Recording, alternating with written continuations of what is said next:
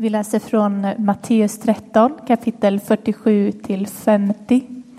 Och I de här röda biblarna så finns det på sidan 689. Med himmelriket är det också som när man lägger ut ett nät i sjön och får fisk av alla slag i det. När det är fullt drar man upp det på stranden och sätter ner det och samlar den goda fisken i korgar och kastar bort den dåliga.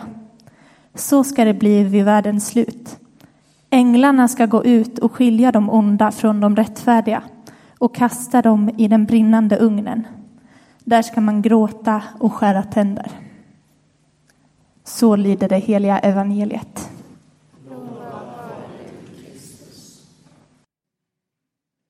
Jag läste i tidskriften Entreprenör häromsistens om Karina Adolfsson i Mulltofta som mot alla odds bestämt sig för att fortsätta att göra det som man hade gjort i den släkten i generationer, nämligen att fiska. Detta är ett arv som ska fortsätta, läser vi. Man ska värna fisken, låta gösen leka i fred och inte ta upp småfisk. Ringsjön är rik på fisk, säger Karina Adolfsson som fiskar året runt. Hon drar främst upp gös, läser vi, i sina garn, men även abborre, gädda, braxen och lite öring. Och det är intressant. Hon fick lära sig detta av sin pappa, att man ska värna fisken, låta gösen leka i fred och inte ta upp småfisk. När Jesus berättar den här liknelsen som vi ska titta lite närmare på här idag så befinner han sig vid Genesarets sjö som är då en riktig fiskesjö. Och det är många människor som lyssnar på honom den här dagen. Och här går han loss och försöker förklara ett, med ett helt gäng olika bilder, alltså liknelser om vad himmelriket är för någonting. Så att han har sju bilder på raken här och liknelser. Och den sista, den som vi ska fokusera på idag, det är den som kommer på domsöndagen, som är dagens eh, söndag. Då. Och just det här med himmelriket, det förstår man ganska snabbt när man börjar läsa i evangelierna. Att det är någonting viktigt, det är en viktigt och centralt tema för Jesus. Och han har ju sagt vid något tillfälle, vänd om. Himmelriket är nära. Det är alltså någonting, himmelriket är någonting som är just nu. Det är här, det är nära. Någonting som pockar på uppmärksamhet. Men vid, vid tidens slut så kommer samma himmelrike att bryta fram i sin fullständiga fulländning. Det är Nya testamentets alldeles tydliga förkunnelse. Och det är också det som är det bärande, för hopp, det bärande hoppet för många av oss. När den här världen är som svartast och som mörkast och som svårast att härda ut det är då som riket kommer att bryta fram i full kraft. Och en av de här bilderna då, på, i de här liknelserna som ni kan läsa om i, i Matteus 13 om ni vill läsa hela allihopa de här för att få en helhetsbild. Men den här liknelsen som Jesus tar, då målar han, den målar han upp för att han vill förklara någonting om vad som ska hända. Vad ska hända den dagen när tiden tar slut? Och så berättar han om en fiskare som lägger ut nät i sjön. Och när han får upp sin fångst så rensar han bort den dåliga fisken och sparar den goda. för de som lyssnade på detta och de som var där vid Genesarets sjö den här dagen så är ju det här, den här bilden ingenting som är något konstigt alls. För det var så man gjorde. Och i modernt fiske så får man inte ta upp fisk som är för liten för det stör ekosystemet. Det finns en helt regelverk kring vilka, som är, vilka arter som inte får fiskas eller kvoten man får fiska och allt sånt där. Det vet herr Fager där uppe. Fiskare med skrovliga händer.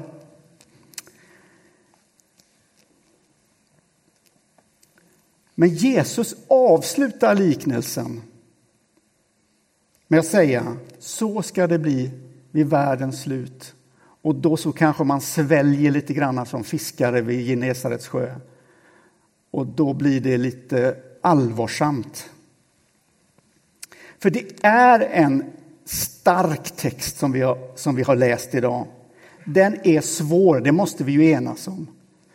Det är en text som, som ställer mycket frågor och som inte lämnar någon av oss liksom oberörd eh, när man läser den. Och i en normal neurotisk människa, finns det sådana? Jag tror jag ingår i den gruppen. Så kan den här texten väcka den här oron, alltså ett vagt, odefinierat eh, obehag det är kanske inte är en sån text som man tar och skriver till någon för man vill uppmuntra någon på ett vykort och skickar så här. Utan det, det, det skapar någonting, det väcker någonting i oss som läser den här texten. Och den väcker rädslan att kunna gå förlorad.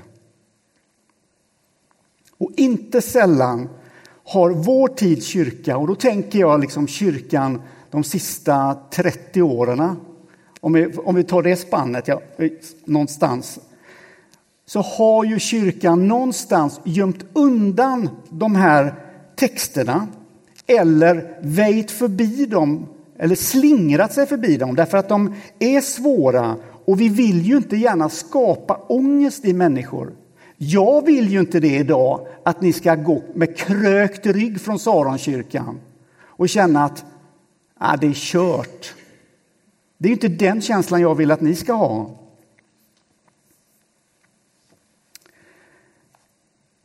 Men när vi inte pratar om det samtidigt så lämnas vi ensamma.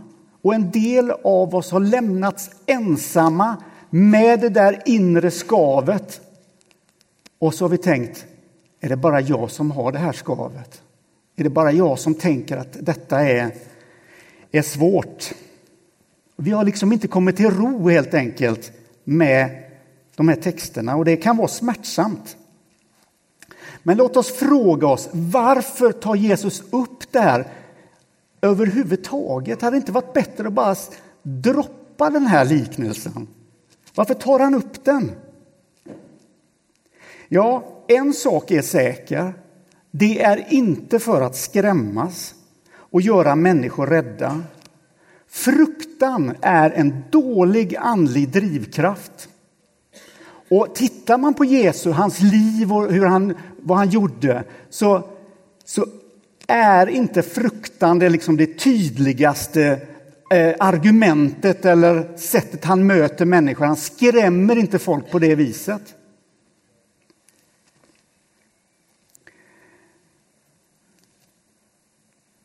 Liknelsen är tänkt ett som en förklaring. En förklaring av vad som faktiskt kommer att hända på den yttersta dagen. Och han talar här ju till judar. Faktum är det att han, att han talar nästan bara om, över det här temat med judar. Och nu är det mycket judar omkring där.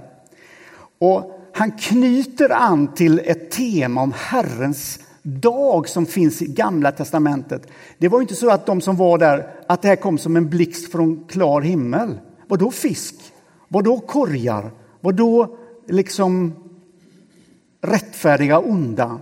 Det fanns någonting som, som, som de förstod igenom sin egen historia.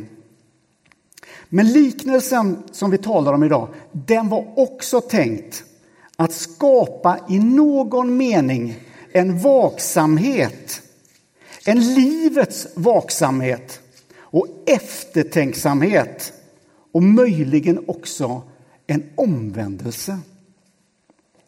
Jesus ville få folket att tänka kring sina egna liv, kring sin livsstil. Han ville få dem att tänka, okej okay, om du är en fisk i det här havet, i världens hav, vad gör du där då? I, i det havet?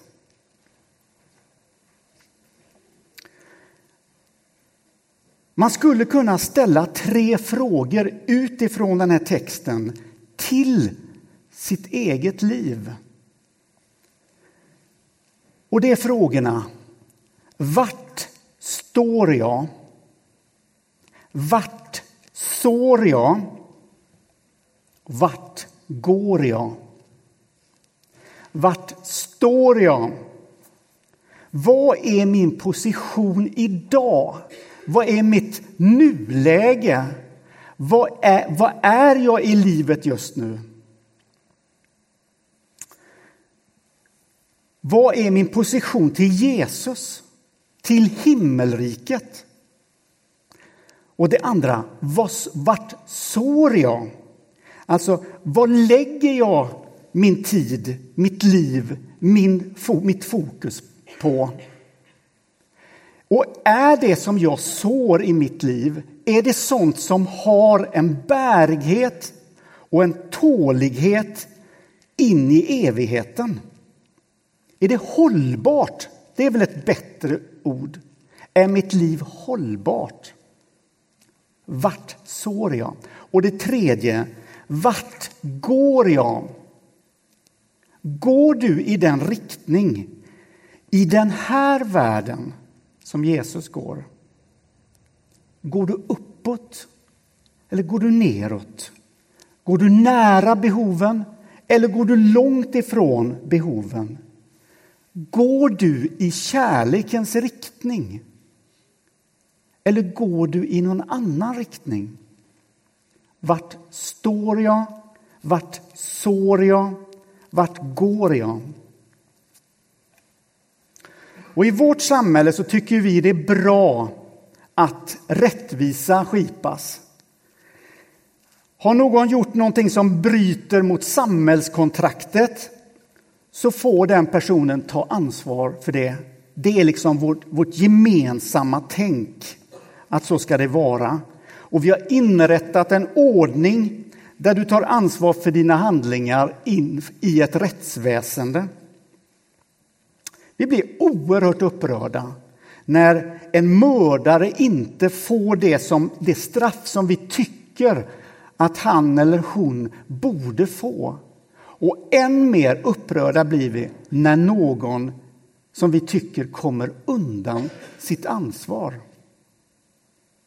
Jag tänker på den här metoo-kampanjen som pågår och verkar bara öka i styrka. Många vill att de här sexuella förövarna då, att de ska ställas till svars för sina handlingar. Något annat vore inte tänkbart. De kan ju bara inte komma undan som de alltid har gjort. Och om det nu är så att Gud har skapat människan med ett ansvar för sitt eget liv, om han har gett människan förtroendet att förvalta, forma och leva ett hållbart liv varför är det så provocerande att han på den yttersta dagen skulle ställa oss ansvariga för hur det sedan har gått? Jag bara undrar. Är det så konstigt att Gud som har skapat dig och mig ställer den här frågan en dag? Hur förvaltade du förtroendet som du fick att vara människa? I bönboken så står det så här. När vi möter Jesus Kristus ansikte mot ansikte så är det en, en seendets dag då mitt liv blir synligt i alla delar. Alltså att det är ett tillfälle när Gud någonstans låter ljus skina igenom våra liv så att det blir synligt vad som finns där. Och när Gud då lägger ut sina nät för att fiska om man nu tänker att den här bilden, som, eh, utifrån bilden som Jesus säger så tänker Gud som alla fiskare tänker. Alla fiskare. Och vad kan det vara? Det vet Filip Fager också. För det är en ganska enkel önskan. Och det är att man hoppas få en så god fångst man bara kan få under de förutsättningar som finns i sjön. Och fiskaren i liknelsen blir tvungen att rensa bort den fisk som inte höll måttet och som inte var bra. Men kunde han inte ha sparat den ändå? Ingen vill väl hamna i fel fiskekorg? Karina Adolfsson i Mulltofta vill ha en så stor fångst som möjligt, självklart. Men fisken måste respekteras, eller som hon säger det då. Jag vill värna fisken, låta gösen leka i fred och inte ta upp småfisk. Och Gud önskar att varje människa, precis som en fisk, ska växa till sig för himmelriket och komma till tro på honom. Det är hans dröm, den drömmen Gud lever med dag och natt. Så när han vid tidens slut drar upp sina nät ur sjön, då vill han å ena sidan värna fiskens frihet, om man nu använder den här bilden till bristningsgränsen. och, och låta gösen leka i fred. Å andra sidan måste han hantera sin kärlek och sin längtan efter att få se näten fyllda av mogen fisk. Han vill inte att någon ska gå förlorad. När han sitter där och drar upp näten så är det ju så att han bara önskar att när nätet kommer ovanför vattenytan att det är bara bra fisk som kommer upp. Det är ju hans hjärtas önskan. Vi läser ju detta genom hela Bibeln, hela Nya testamentet om, om denna längtan hos Gud.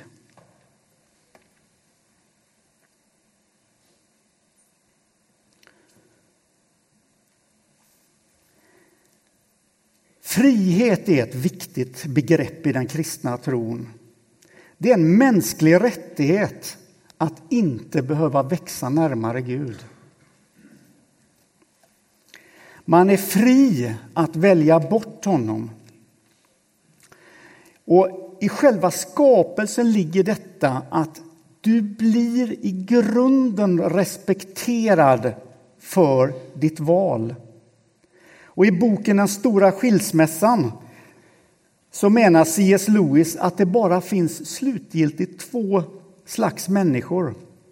De som säger till Gud, ske din vilja och till dem som Gud säger till slut, ske dig som du vill. Gud har gett varje individ frihet att, ut, att eh, eh, och utan en möjlighet till ett personligt val, om det inte skulle finnas i detta, så finns ingen verklig frihet. Därav de båda fiskekorgarna i liknelsen. Ja, det är möjligt att stå utanför gemenskapen med Gud när tiden är slut och när himmelriket bryter fram. För Gud kan inte tvinga på någon sin kärlek. Hans kärlek till hela mänskligheten den är så stark att han gjorde allt han kunde, allt som står i hans makt för att så många som möjligt ska bli räddade. Jesus dog för människans synd och tar du emot den som en gåva så ligger själva räddningen i det mottagandet. Och låt mig ställa en fråga som handlar om Guds barmhärtighet. För den måste man ju dela med här alltså. Om Jesus säger till Petrus att han ska förlåta 7 gånger 77 gånger. Alltså ett oändligt... Han, han höjer ju den ribban någonting otroligt för Petrus. För Petrus tänkte sju gånger är väl nog. Och då säger ju Jesus, nej här uppe är ribban. Den är så långt upp så du kan inte ens, du ser inte ens ribban. Typ. Och om Jesus i bergspredikaren säger saliga de barmhärtiga, för de ska möta barmhärtighet. Skulle då hans undervisning som går genom hela eh, evangelierna, skulle, skulle hans undervisning inte gälla honom själv? Skulle han ha två måttstockar, en för Petrus och en för sig själv? Skulle det finnas ett glapp mellan det Jesus säger och det han gör? Alltså kräver han ett större tålamod av Petrus än av sig själv. Sju gånger 77. Vänner, en sak kan vi vara säkra på. Att Guds barmhärtighet, och det här tycker jag är jätteviktigt, för nu, nu har ni fastnat i ett spår här tror jag. Det här är viktigt alltså, att Guds barmhärtighet sträcker sig alltid längre än vi kan förstå. Alltid. Den dagen när Jesus kommer tillbaka och en ny värld öppnar sig så kommer Guds gästfria famn vara större än vi någonsin anat. Och med den här förhoppningen om en överraskande generositet i botten så får vi läsa den här liknelsen och utmanas av den. Guds barmhärtighet. Guds nåd. Guds omslutande kärlek. Där är inte ribban låg. Men för ditt eget liv för din egen reflektion kring ditt liv, ta med de här tre frågorna. Vart står jag? Vart sår jag? Vart går jag? Och må den Gud som älskar dig leda dig in i ett sant liv tillsammans med Jesus och vidare in i den famn som en gång kommer att omsluta dig helt och fullt. Amen.